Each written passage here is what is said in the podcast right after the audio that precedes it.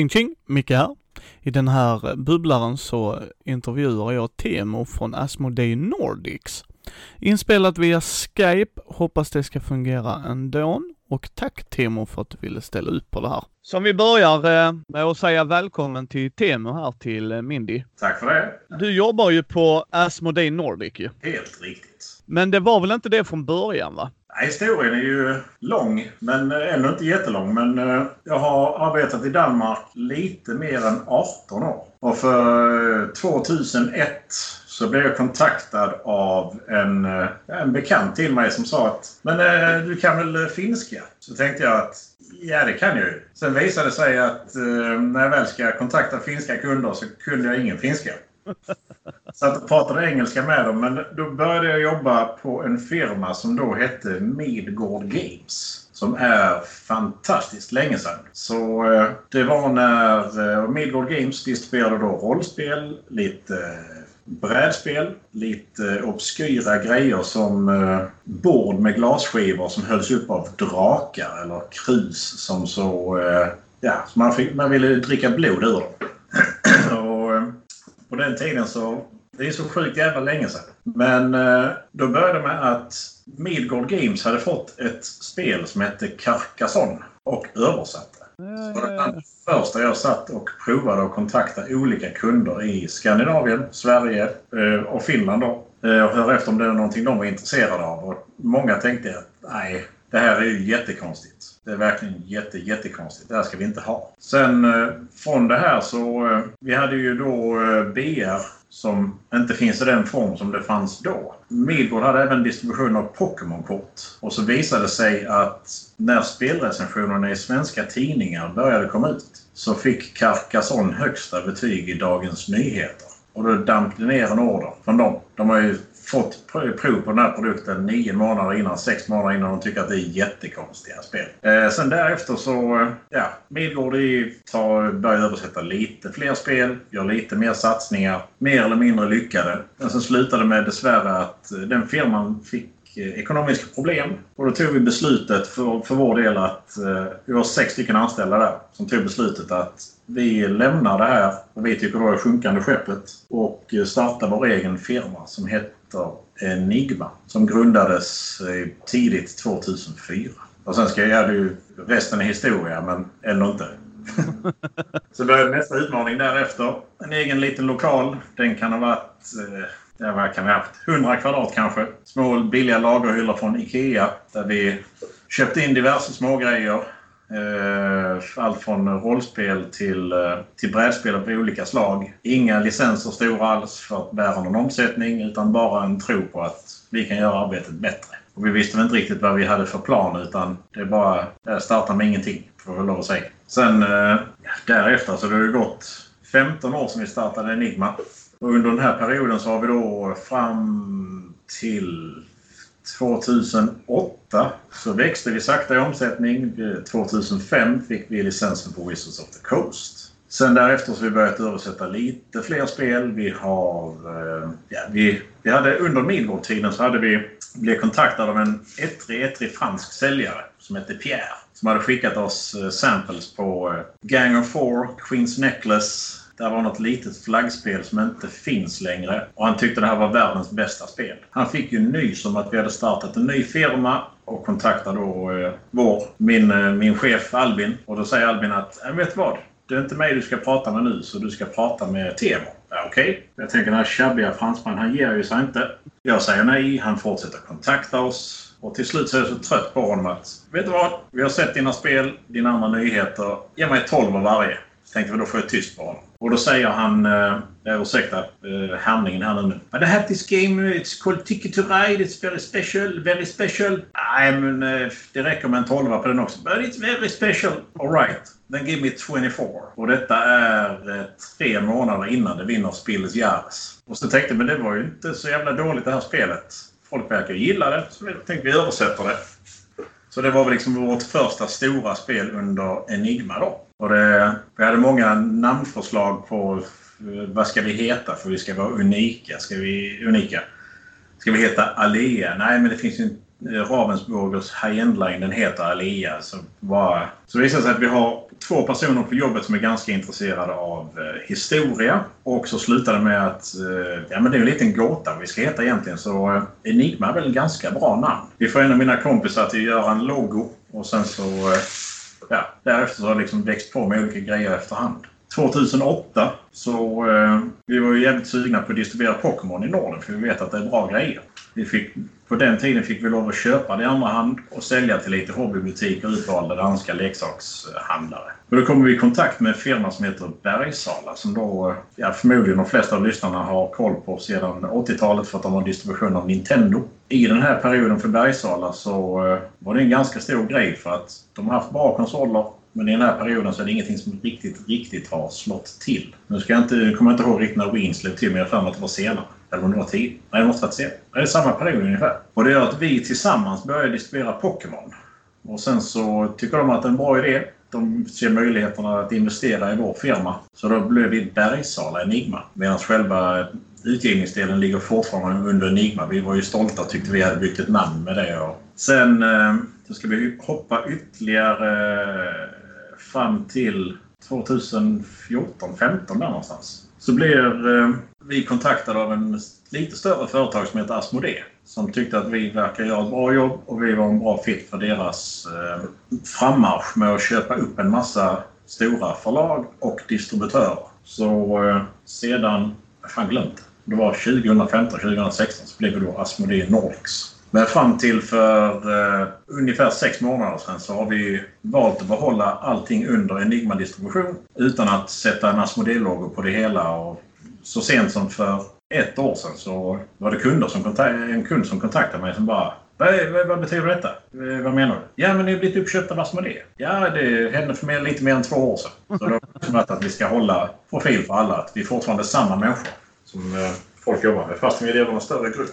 Så det är väl själva historien om hur det har växt fram. Sen det finns en massa grejer som har växt fram under åren. Med kontakter och kollegor och... Jag vet inte vad, din, vad du tror dina lyssnare är intresserade av? Nej, men det är ju intressant för ni är ju Asmodee Nordics nu men det är ju ni som distribuerar till våra spelbutiker vi går och handlar till ju. Helt riktigt. Uh, och det är ju en rätt stor grej bara där Tim. Uh, så att ni var sex personer då där som uh, valde att från Midgård Gamings då, eller vad de hette där, att gå, ja, och gå och göra egen väg då ju.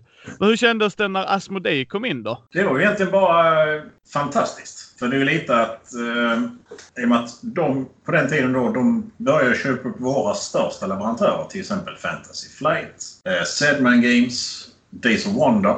Som då har växt och varit riktigt, riktigt stora leverantörer till oss. Så det var egentligen att, på ett sätt att vi skulle sleeping with the enemy, om vi säger så. Att man ska hålla sina vänner närmare med sina fiender ännu närmare. Så alternativet var ju att de skulle starta upp kanske ett nytt kontor. Men då vet vi att de ska de ha helt nya personal och de ska in på marknaden. Så eh, det var ju lite tveksamt i början. Och sen när man har jobbat tillsammans med samma folk så pass länge så har man ju sina rutiner. Och det blir ju naturligt när vi har en, en, eh, ny ägare att lite andra rutiner ska komma på plats det är mer folk man ska ställa sig i ledet på ett annat sätt. Får man väl lov att säga. Och Asmodee då vid det tillfället när vi blev en del av dem tror jag hade 1000 anställda världen över. Och vi är i dagsläget i Asmodee-gruppen om vi inte har passerat 1500 anställda totalt. Det är ju en del. Och det gör att vi jobbar fortfarande med väldigt, väldigt mycket folk som vi alltid har jobbat med som då har växt inom företaget. Så, men det var lite spännande. Men i princip så den dagliga driften och annat är i princip inga förändringar alls. Den förändringen som har blivit nu det är att tidigare om vi skulle åka på en mässa, ja då bokar vi hotell själva. Vi gör våra utlägg, vi får det refunderat. Nu kontaktar vi folk och säger att till den här mässan kommer vi vara så här många. Ja, perfekt. Vi har bokat det här blocket till er. Ankomst det här, här är bekräftelsenummer. Jag gillar ju fortfarande att göra saker själv, ska jag säga. Man är så van vid det. Men på det hela taget absolut fantastiskt. Jag är väldigt, väldigt stolt att eh, vår lilla firma, nu ska jag inte ge uttryck för att jag är en av grundarna men absolut aldrig varit VD eller någonting annat. Men jag är väldigt, väldigt stolt att vi är en del av det här och varit med under tiden som hela, hela branschen har växt. Ja, för den har väl växt rätt stort de senaste åren väl? Utan tvekan. Det är så väldigt svårt att se hur... Eh, men om vi kikar på våra egna hobbybutiker som vi säljer produkter till så har ju intresset för produkterna växt. även om det fortfarande är lite samma kunder, så tillkommer det även eh, nytt folk hela tiden som upptäcker grejer. Och sen hur de upptäcker om det just via hobbybutikerna, men vi märker ju... När vi tar Ticket Ride som ett exempel, eller Carcassonne. Det som var jättekonstiga produkter för 18 år sedan, för 14-15 år sedan. Det är ju produkter du nu hittar på din lokala ICA Maxi eller Coop eller Akademibokhandeln kan gå in och kika att det finns svenska codenames. Så det är väldigt spännande. Vi ju, om vi kikar på våra kunder så tycker vi att alla har för lite av våra produkter. Kanske inte just hobbybutikerna men vi tycker att Maxi borde klara av eh, Seven Wonders eller Dixit. Och då är det nästa sån grej vi, vi slåss med för att visa dem att eh, det här är produkter som vi faktiskt kan sälja om det finns på plats. Sen vet jag inte om eh, kundunderlaget bär det. Men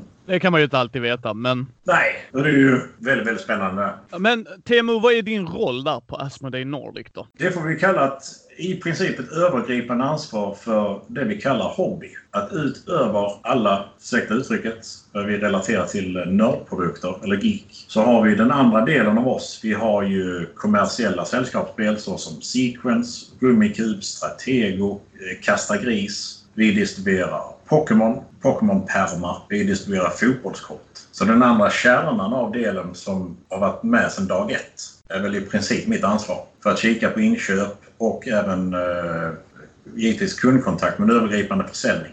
Och kolla till att hjälpa så att alla mår bra inom företaget, både på inköp och försäljning. Hur, hur känns den, det arbetet då? Det är ju jättespännande. Att vara de senaste åren från att gjort allting själv till att ha fått fler och fler kollegor att nu är vi ganska många man ska hålla koll på. Både inköp och givetvis de ska hålla koll på mig också. Men det är ju stora där att även om det kommer en ny produkt som eh, där slåss på stora trumman så är det antingen mitt jobb att gasa dem eller bromsa dem eller så är det tvärtom att de ska göra det på mig. Jag har ju varit i den här branschen så länge så jag har ju blivit eh, gammal och cynisk. Jag, jag tycker att hjulet är uppfunnet flera gånger. De är unga, unga kollegor som har helt andra ögon som... Uh, ja, men det, ja. ja, men det kan jag tänka mig. Har man varit länge i gamet så. Men då, då väljer ni att köpa in och så, som du sa till mig igår då när vi pratade att ni köper in allt som många nog inte vet. Alltså plastfickor, tärningar, alltså you name it. Ja. Uh, men hur ser processen ut när ni väljer uh, alltså att distribuera någonting? Ja, vi har, uh, som jag nämnde för också, att nu när jag var ute och reste senast i mars så eh, det var i USA på en, en litet retailer-event. Eller det är inte så litet. Det är ungefär 300 amerikanska retailers som kommer till en mässa som heter Gamma som är eh, i Nevada i Reno. Och Reno är, eh, för er som ska ut och resa ska åka till Reno. Om ni tycker om Eslöv så är Reno rekommenderat. Håller helt med. Jag har passerat den staden. Fantastisk resort, men runt om så händer det inte jättemycket. Men när vi sitter och pratar så någonstans så kommer vi fram till att under 2019, om vi tar en simpel plastbox, tärningssätt, expansion, brädspel, rollspel och nya TCGs eller kommande expansioner. Att vi då ska kika på ungefär 5000 nya produkter totalt under 2019. Alla produkterna är förmodligen lika bra. Alla hjältar som ligger bakom dem som har lagt ner blod, svett och tårar tycker att det här är den absolut bästa produkten. Sen kommer man ju till det cyniska att allting kan inte sälja lika bra. Vi försöker givetvis kika på alla produkterna. Vi försöker sålla ut att eh, är detta någonting som vi tror på? Vilken kund kan tänka sig köpa detta? Är detta en produkt som till exempel varit launchad på Kickstarter? Hur mycket finns det kvar till distribution? Eh, hur stort är intresset? Och sen, sen blir man påmind om det cyniska. Det är att eh, vi är här för att tjäna pengar. Vilket, eh, ja, det, det, det, är ju inte lika hemskt som det låter, men det är vårt primära mål. Att försöka någonstans hitta en eh, sund omsättning, bra service och eh, urval till kunderna. Så det är väl i principen där att eh, om jag kikar på en ny produkt under mars månad, då kan det vara att vi kikar på eh, en tidig kopia, säg ett exempel nu från en liten firma som heter Floodgate Games, som ett spel som heter Bosk. Och då kan jag se att det exponeras på Game Night. Jag försöker kika på hur många sitter rent faktiskt ner och spelar det här spelet. Vad tycker folk om det? Har folk fått samples på någonting? Detta är en mässa som det inte säljs någonting. Och sen eh, gör jag små noteringar. Och på den här mässan så har jag även kollegor från eh, England. Ibland när jag åker på större mässor så har jag kollegor från Italien, Tyskland, Frankrike, Holland, Tjeckien. Som också gör vad vi gör, eh, för fast på deras räkning. Och så brukar vi alltid summera att det här tror jag på, detta tror jag inte på. Är det någonting som sticker ut? Sen kan det vara att vi träffar givetvis existerande leverantörer där vi kikar på eh, produkter som ännu inte är annonserade. Eh, vi kan ta till exempel Renegade Studios som snart kommer att annonsera en grej. Då får vi veta att den här kommer annonseras snart. Vi får inte lov att prata om det. Vad tror vi? För vi vill ju alltid hjälpa våra existerande leverantörer att göra ett så bra jobb som möjligt. Och när vi har informationen tillgänglig så kan vi delge informationen till våra kunder. De i sin tur kan delge det till sina kunder och börja ta förhandsorder. Och det är också eh, en process. Det är ju som att sitta med en kristallkula. Och kristallkulan nu för tiden är mer i storlek av Globen.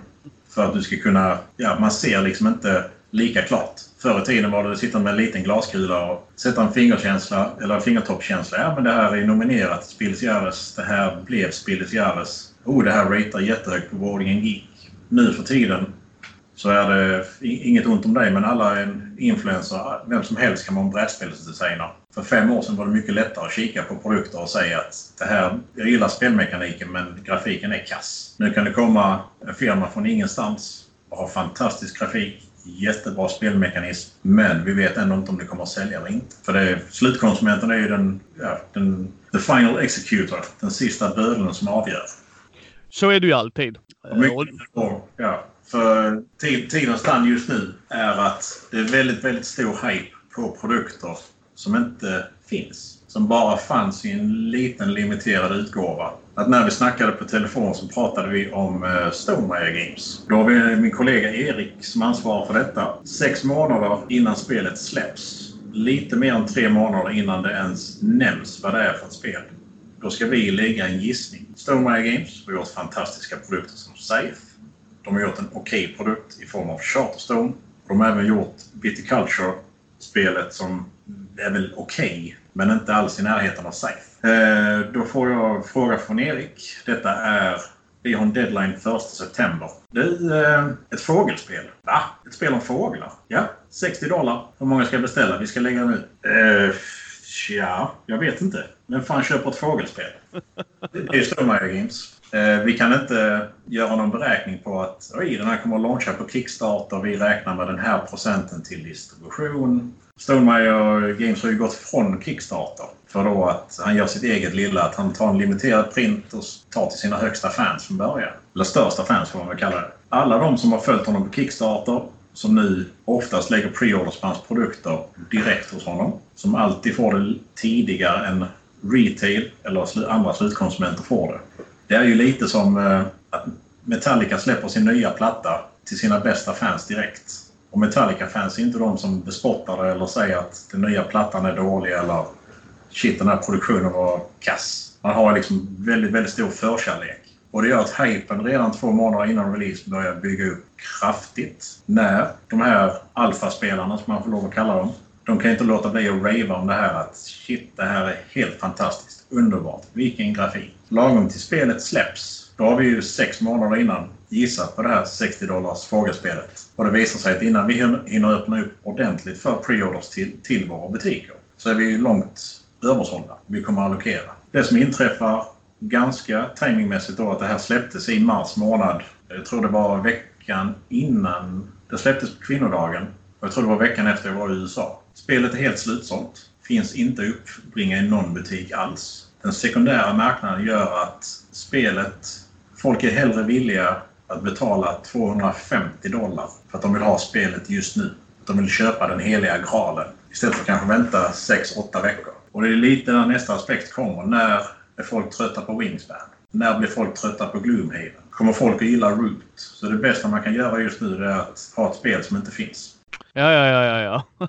och, det, och det är många sådana spekulationer som man då... Det är i enskilda fall. Men då ska vi försöka hitta den här sållningen bland 5000 produkter. Och nu vet vi i efterhand med facit och den här jättestora kristallkulan att ah, Wingspan, där skulle vi tagit i mer från början. Men vad händer med Stonemeyers nästa release? Hur mycket ska vi satsa på den? Då är det kanske bättre att fokusera på det är så väldigt många folk som inte har provat hans andra spel. Kommer Charterstone fortsätta att sälja? Är Legacy-mekaniken död? Eh, det verkar funka rätt okej okay på Pandemic. Vi ska hela tiden göra såna här. Så det som egentligen är det viktigaste för oss, det är ju att vad kommer att fortsätta sälja? Har vi, nu kommer Safe aldrig att stå på ICA Maxi. Men är det någon annans producent någon annan producents produkter som kanske har den potentialen att bli så kallat gateway game eller ett nytt Qatar. Mm. Det är ju dit vi vill, att alla ska upptäcka bra spel. Och då har vi ett större mål egentligen att hur kan vi få fler folk till att upptäcka Asmodees ägda varumärken till exempel så som, eh, eller distribuerade, till exempel Dixit eller Pandemic. Är det någon som har större potential för framtiden? För att det var också vi nämnde i telefon att både du och vi är gamla nog att komma ihåg eh, hemmakväll som koncept eller videobutiken. Eh, hemmakväll är förmodligen en före detta video. Den existerar fortfarande men där man hyrde sina DVD-filmer eller Blu-ray för. Att även om man steppar in i en butik där det finns minst 700 filmer som har vunnit Oscars, som har fått toppbetyg av DN. Det vi gör är att vi går fram till och tittar på topp 20-listan. Och så klagar vi hellre på att nummer tre, som vi gärna ville se, den uthyrd. Vi får vänta till imorgon. Det ligger liksom i vårt eh, beteende. Ja, men så är det ju. Så ja. är det ju. Uh, folk vill ju gärna ha det senaste, gärna igår. Helt riktigt.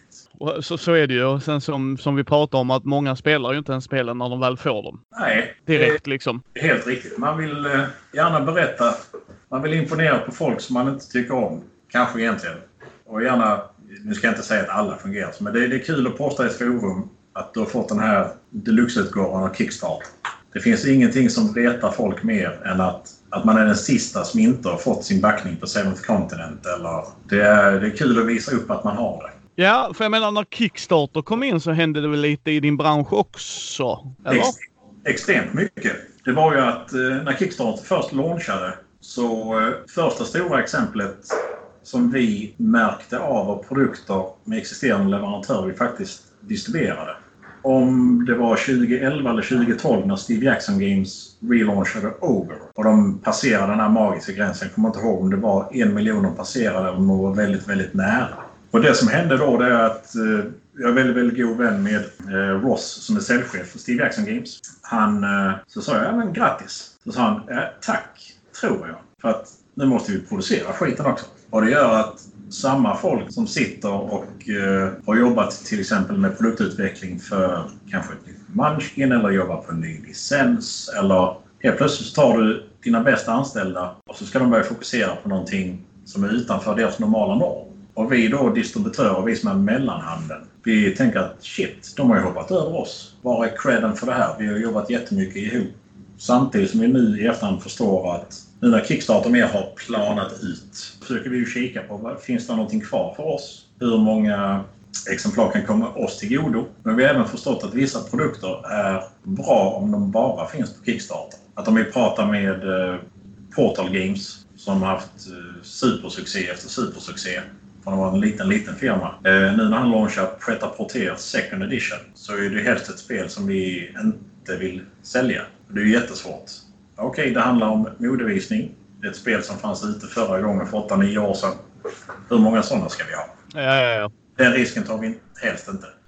Nej, för precis som du säger där, jag tror eh, nog inte alla är beredda på att ni ligger ju ute med pengarna. Ni köper ju in dem så att säga. Ni hyr inte in dem, förstår du vad jag menar? Utan när ni tittar på en produkt som du säger ska beställa, fågelspelet från Stonemaier, ni vet inte mer, 60 dollar spelet, då köper ni ju in det för en viss summa och sen har ni det på lagret. Säljs inte det så har ni ju gått back mer eller mindre ju. Och jag tror inte många är medvetna om det alltid liksom att jaha, varför tog de inte in sju pallar av det spelet. Så bara, ja, för att det är en kostnad för dem och säljer inte de sju pallarna så ja. Det är ju lite samma när man kikar på sin lokala hobbybutik. Att eh, hade vi kontaktat våra hobbybutiker. Hej, vi kan inte prata om det här spelet. Vi kan säga att det kostar så här mycket. Vi kan säga att det handlar om fåglar. Så vet jag inte hur många hobbybutiker som hade kastat sig på e-mailen eller och lagt, lagt ordrar. Ge mig två case. så det. Men det andra som är rätt spännande med Kickstarter också det är ju att distribution annars är ju... Distributörer generellt har ju blivit en dinosaurie. Att redan för tio år sedan så kan du i princip logga in på Volkswagens hemsida. Du kan inte motivlacka men du kan själv bestämma hur din bil ska se ut. Du kan skicka det till din lokala återförsäljare. Så därför, bilhallen behövs inte heller. Om man nu är säker på vad man ska köpa. Jag brukar ta approachen när det kommer till distribution, Kickstarter, så är vi att vi är ju väldigt, väldigt nischade. Och det är rätt bra. Men även distribution i många fall så har vi ju blivit en form av en dinosaurie. Att vi kanske inte behövs riktigt. Vårt mål är väl egentligen att eh, försöka bli en en panda som är så söt så att eh, folk vill rädda den. Kanske inte donera pengar till oss men istället för att vara nästan utdöende så är vi på nära utdöende och fortfarande rätt så söta. Ja, ni behövs väl på ett sätt. Det är inte alla som kommer till butik annars heller. Alltså ni är fortfarande mellanhanden till butiker med ju, tänker jag mig. Ja. Det får man ju inte glömma. Jag menar du har i USA, alltså amerikanska marknaden måste man ju alltid se annorlunda. Uh, men i Norden, jag menar om en amerikanare ska komma och sälja till min lokala spelbutik, det är ju inte det lättaste utan er. Alltså... Nej, det är svårt för det är en, eh, vi är ju inte så många. Jag tror vi räknar på 25 miljoner och då är vi inte ens uppe på hälften av vad de täcker i UK. Och vi, ingen av oss har engelska som första språk. Men jag skulle säga alla nordiska kunder, vi har en stor fördel av att vi är så hårt tränade i engelska från när vi är små. Vi har en liten siffra som man egentligen kan dela för att förklara hur stor den nordiska marknaden är. Det är att om vi kikar på ta ett spel som Munchkin. Du vet att det är ingen här inne som... Det är många, många eh, meningar om det. Men fortfarande av totala mängden Munchkin som säljs varje år, om vi kikar på ett grundspel, så är Norden ungefär 5-6 procent av det. Det är fantastiskt imponerande. Ja. Och vi är då en tolftedel av USAs befolkning. Ja. Så det är väldigt ja. spännande. Ja, du, du som då är en av de som köper in. Har du sett någon trend i våran hobby? Vad, vad säljs mer? Har, alltså är brädspel mer överhängande menar jag, eller är rollspel mer? Alltså... Så bägge två har ju korsat varandra. Om vi tar... Eh, första gången jag var på Gencon var 2007. För då hade vi pengar nog till att ja, vi kan skicka en man till eh, Indianapolis. Och då var det när D&D 4th edition eh, lanserades. Och det var ju stora trummor, hög musik, sjukt häftigt. Och sen har du ju hela... Alla slog ju bakut på det. Alla gamla dd spelare att nej, men det här systemet är jättekast. I ungefär samma period så börjar ganska mycket stora brädspel komma fram. Såsom Starcraft, World of Warcraft, episka boxar för eh, tusenlappen med miniatyrer. I samma period där, detta är långt före eh, när folk spelade på eh, Discord eller annat med rollspel, att hela den här, alla de som spelade rollspel förr, de hade ju mindre och mindre tid sociala medier börjar öka ganska kraftigt. Eh, online-spelandet, konsolspelandet, helt plötsligt ska du dela med mycket annat. Då, vid den tiden så var det en utopi att kunna hitta till exempel en rollspelssession som om du var lycklig att du klarade på 6-8 timmar. Och då när brädspelandet börjar komma in att hej, jag kan göra något ganska episkt på bara 2, 3, 4 timmar. Så börjar du möta varandra. Sen eh, rollspelandet därefter så har du ju... En del säger att D&D säljer upp väldigt mycket på grund av Stranger Things. Men någonstans så flätas de här grejerna samman. Det har faktiskt varit att enligt Wizards själva så är Twitch den stora grejen som har gjort att eh, folk har börjat komma igång med DoD igen. Givetvis att det då, vad jag förstått, ett fantastiskt system i och med att det är bakåtkompatibelt. Men nu för tiden så när folk spelar så ser de att hej, det är inte bara samma gamla gäng som spelar. Det här är ju unga, rätt så hippa människor. Och det har gjort också att de som i sin tur spelade rollspel kanske när de var små eller mindre. De har rent faktiskt tid. Men sen är till min... Jag blev själv förvånad hur många som spelar via Discord. Som gör att eh, de har tid att sitta hemma, sätta av två, tre timmar och de kanske fortsätter nästa gång. Och det är helt fantastiskt. Ja, och femte editionen skulle jag anta säljer en rätt stor del ju när man är ute och surfar lite och sådär så är det ju ett av de mest sålda rollspelen ju. Uh, och jag menar det är ju en rätt överkant jämfört med de som ligger tvåa liksom. Det är inte att de är neck and neck. Och det kan jag förstå vad du menar där. Jag menar om du bara tittar Matt Mercer från Critical Role. Han sitter med sina kompisar som också är voice actors och så sitter de och spelar, vadå? D&D femte editionen. och de twitchar, du vet, streamar alla, alla de hippa grejerna så att säga och det, det kan jag tänka mig. Men rollspel har också ökat de senaste åren va? Det, det har det. Alltså utan tvekan. D&D är... Vi säljer mycket mer D&D nu än vi någonsin har gjort. Och det är eh, väldigt, väldigt spännande. Sen har du i sin tur då D&D som, D&D som ägs av Wizards det har alltid varit en produkt som nästan aldrig blir nämnt i deras presentationer. För det ligger i skuggan av eh, Wizards of the Coast som då ägs av Hasbro. Det ligger i skuggan av Magic. Och Wizards det ligger liksom i skuggan av de andra IP'na som de har. Transformers, My Little Pony, alla andra Hasbro-grejer, Monopoly till exempel.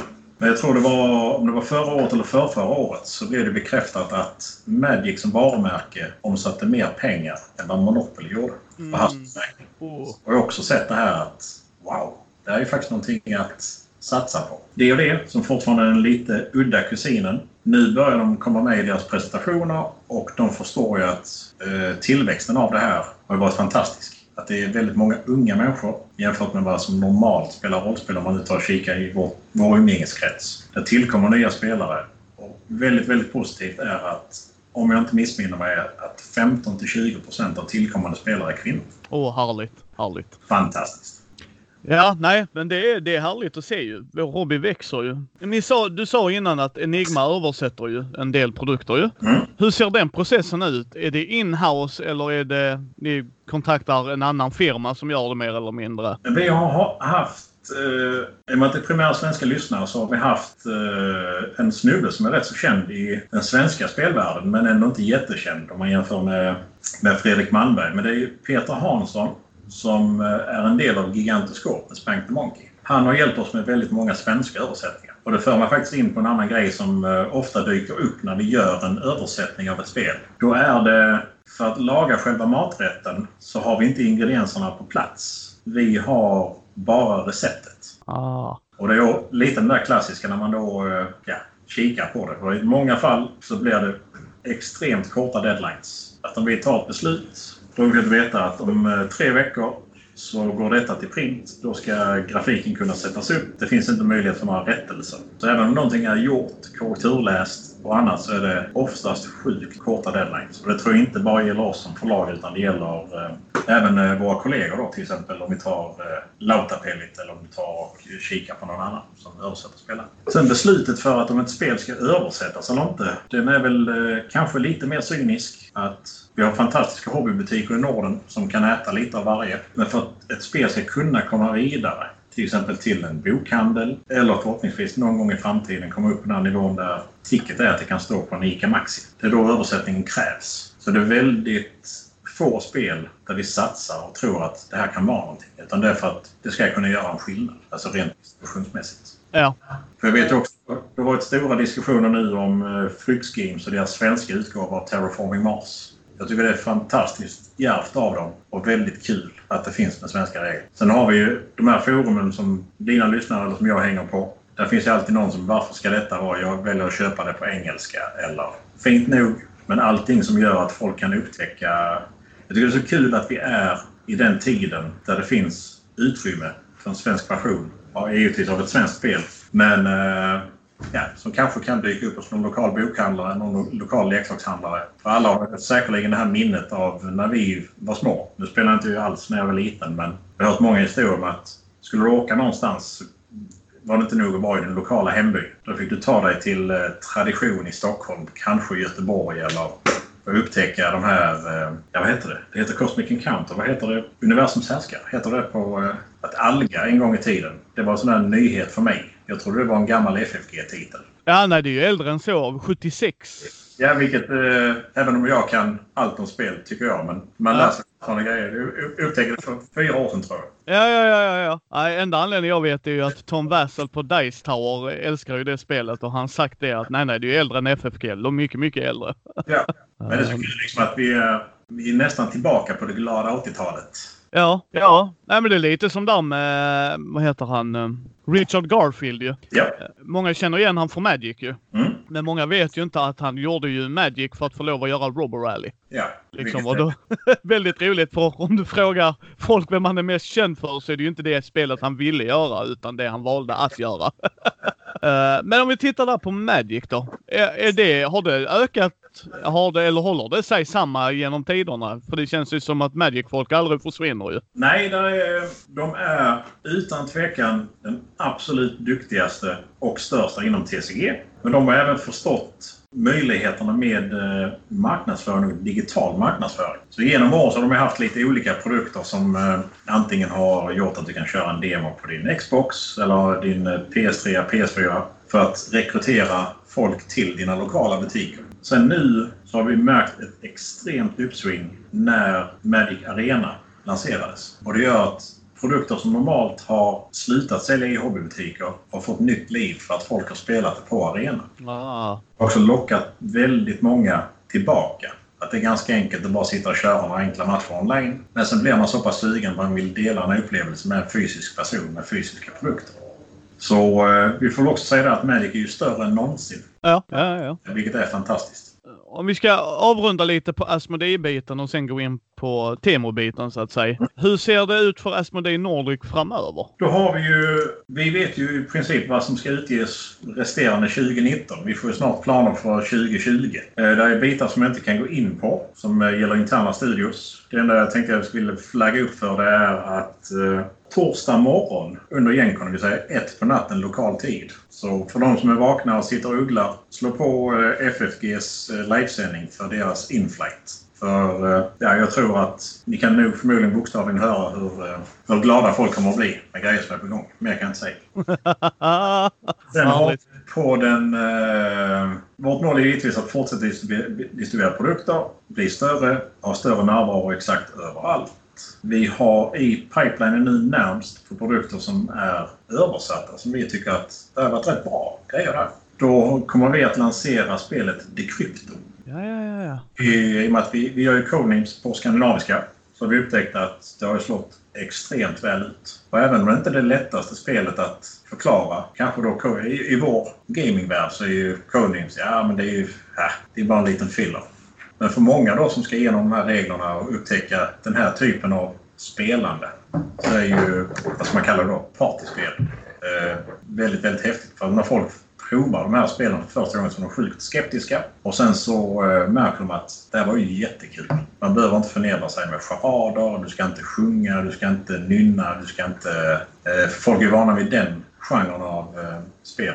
Det är inget ont om dem då, men det finns folk som föredrar det lite mer tysta och lite mer kloka. Eh, det är väl det som ligger närmst nu. Sen har vi ett par... Eh, ingenting som är riktigt klart än. Men eh, vi kommer att mjukstarta dock bara i Danmark med att göra en dansk utgåva av Just One. Som är nominerad för Spildes Jahres. Som första gången jag själv spelade tänkte att det här är ju lite för enkelt. Men ju mer vi spelade, nu spelade jag senast under midsommarhelgen med, ja man ska kalla det mugglare, normala människor som har normala jobb som inte som är väldigt, väldigt skeptiska mot nya spel.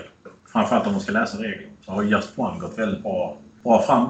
Och där kommer vi förmodligen att se en svensk utgåva redan i år om jag tror. Kanske 2020.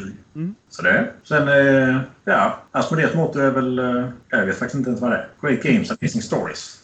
Så det är fortsätta med. Ja, en, eh, en avslutande grej då där. Om, om man skulle vilja jobba med det du jobbar med, Timo. Hur är bästa sättet att gå tillväga då? I princip så är det ju bara att eh, skicka in ett CV. För det är, nu har vi haft en period när vi har haft fyra öppna tjänster. Det har varit till kontakt till eh, Key Accounts. Det har varit kontakt till eh, danskt eh, innesälj. Det har varit till finskt innesälj. Vi har även förstärkning för vårt hobbyteam som vi fortfarande inte har beslutat om eh, vem som kommer att få jobbet. Hobby är väl den som är egentligen är känsligast för det är många av de här alla har en dröm om att eh, ja, men det, här kan jag, det här vill jag jobba med. Nackdel och fördel med att kunna väldigt mycket om vissa grejer det är att man ofta har svårt att plocka bort sina personliga värderingar i vissa grejer. Och det är det som gör att det är lite svårare att hitta någon som är en bra match för hobbysälj. Då ska jag göra det med öppna öron och ögon. Det, det, det, kan jag tänka mig. Det måste ju vara en balansgång där ju. Ja. Men om vi går till, till om dig då Temo. Jag tänker vi börjar med den enklaste frågan. Vem är Temo? Ja, det, är, det är en bra fråga. nej, det, Tvåbarnsfar, bor strax utanför Malmö. Och sen eh, det jobbet jag har nu, eller i den här branschen, så är detta i princip detta är mitt andra jobb. Från det jag tog studenten fram till jag var 24 så jobbade jag i klädbutik. Och sen så halkade jag bokstavligen in här på ett bananskal. Och sen har det blivit att, ehm, i och med att jobbet tar ganska mycket av ens tid. Det är inte att jag jobbar lika många timmar nu för tiden. Nu har vi folk till det. Nej, som jag gjorde förr. Men det gör att eh, under en normal vecka så när jag väl kommer hem på helgerna så är det som vilket Svenssonliv som helst. Vi träffar gärna vänner. Jag är väldigt intresserad av att laga mat, grilla och dryck i allmänhet. Reser gärna. Och det är som eh, jag brukar säga att jag finns i sociala medier. De som börjar följa mig i tron om att jag sitter och spelar spel och det är det enda jag gör blir nog väldigt, väldigt besviken. Men ditt tidigaste spelminne då, Tim? Mitt tidigaste spelminne är... Det är två grejer som jag kommer att tänka på när vi snackade i telefon häromdagen. Att det första när det kommer... Jag har aldrig riktigt spelat rollspel. Jag har aldrig varit med i en riktig session. Men det är att min bror spelade MUTANT. Men så hade han även ett par böcker med Ensamma vargen. Och det tyckte jag var väldigt, väldigt kul. Och sen givetvis, jag eh, ska inte säga att jag fuskar nu för tiden, men när jag var sju, sex, sju, åtta år gammal och läste Ensamma vargen så brukar jag sätta in fingrar i bägge alternativen för att sen ta mig vidare där jag klarade mig. För att då avsluta böckerna tyckte jag var fantastiskt duktig. ja. Sen eh, det andra, det är på fritids. Att vi har ju, för oss som har gått på fritids eller varit hos dagmamma så har vi ju oftast blivit utsatta för alla, alla sådär spel. Men mitt första riktiga spelminne där det är eh, jag kommer tyvärr inte ihåg vad designern heter, men det är ett gammalt spel som heter Sagaland. Som vann Spieles Jerris ganska tidigt. Jag tror det var 84 vann det Spieles Jerris. Mm. Och det hittade jag till min stora glädje på loppis för 3-4 år sedan. Och det är lika bra som jag kommer ihåg det då. Det kanske är ingenting vi skulle sitta ett gäng vuxna och spela, men när jag spelade min dotter, min dotter då som var 6 år gammal, så tyckte hon det var en fantastisk upplevelse. Så det är de två som egentligen har printat sig in eh, hårdast, får jag lov att säga. Ja, vilket är ditt favoritbrädspel då? Det beror på hur man väljer att se det. Så är eh, solospelande, nu är det ju tekniskt sett inte ett brädspel, men det jag spelar utan tvekan mest är Star Realms. Ja, men det är ett brädspel. Sen att du spelar det på surfplattan är ju en grej, eller telefonen. Det har också varit att um, en av de här grejerna, att när Star Realms kom fram så var det verkligen ett spel i mängden. Varför ska någon köpa en liten lek som bara är det här? Två, tre år efter det utkommit. Det där jag provade för första gången. Då säger en av mina kollegor det här kommer du att gilla. Okej, okay, får sitta ner. Sen efter jag spelat första rundan tänkte jag bara wow. För jag har aldrig riktigt brytt mig om eh, Magic som spel. Och det här passade mig perfekt. Och sen så har det blivit att när jag fick veta att det fanns en app så blev det så enkelt att man bara går tillbaka till samma grejer igen och igen. Så jag önskar att jag hade haft tiden och intresset att sätta mig ner att köra något episkt som hade tagit 3-4 timmar. Men oftast uttryckt när vi väl har testat de här grejerna och jag spelar med erfarna brädspelare så är mina matematikkunskaper är inte i närheten vad deras är. Jag kör mycket mer på känsla och det brukar funka sådär. Så du, spelar du fortfarande? Alltså du, du har inte tid antar jag? Utan det... Ja, både ja och nej. Det har blivit att det är ju familjeanpassat. Som nu till exempel under nu, rätt så nära midsommar. Då testade vi eh, helt nya hint som kommer att komma ut exklusivt i en begränsad period hos Akademibokhandeln. Som då är charader och nynna och annat. Kanske inte mitt favoritspel, men alla vi spelade med hade väldigt, väldigt trevligt. Sen så blev det klassiskt tärningsspel i form av eh, som är en av mina gamla knitsiga favoriter. Sen så körde vi rätt så många rundor Just One, som är väldigt kul för det, det passar perfekt även om vi... Det är det där att bara en runda till. Att du klämmer in rundor på under 30 minuter. Det passade perfekt. Ja, men det är ju jättebra ju. Så, eh, men inget annat större episkt. Sen är, på paddan så brukar det bli eh, eller det finns andra surfplattor också. Eh, brukar det bli Ticket Ride, Splendor, Pandemic uppskattar inte riktigt. Och sen så eh, blir jag aldrig riktigt klok på Onirin från eh, Selma Games, solomodet. Ja, ja, ja. Så det... ja, men det är ju härligt. Det är ju härligt. Men när du, om vi återgår där, men du, du reser ju en del i jobbet. Ja. Antar jag liksom. Vilken vilken mässa uppskattar Temo mest när han besöker? Alltså även om du är där i jobb så kan jag tänka mig att strukturen borde vara lite annorlunda på, antar jag nu, nu killgissar jag bara ju. Det är, eh, jag älskar att resa så det är en stor förmån. Det är alltid väldigt kul att åka till Tyskland till Essen. Sen så har jag ju en förkärlek för USA. Och det gör att eh, när jag väl är på plats så tycker jag om att upptäcka det lokala. Så nu ska jag till eh, Genkon här om eh, vad är det, fem veckor för tionde gången. Och det är en god känsla att komma dit och insupa atmosfären, gå runt och titta på folk. Och sen så är det även en bättre stad än man kan föreställa sig. Så det är eh, får jag nu säga mitt favoritkonvent. Ja. Det är mycket trevliga människor. Nu har det på sistone blivit väldigt, väldigt, missförstå mig rätt, elitistiskt. Nu är jag glad för att vi inte betalar våra egna hotellräkningar. För det är tyvärr ett svindyrt arrangemang om man själv ska ta sig dit. Ja, jag har varit där två gånger.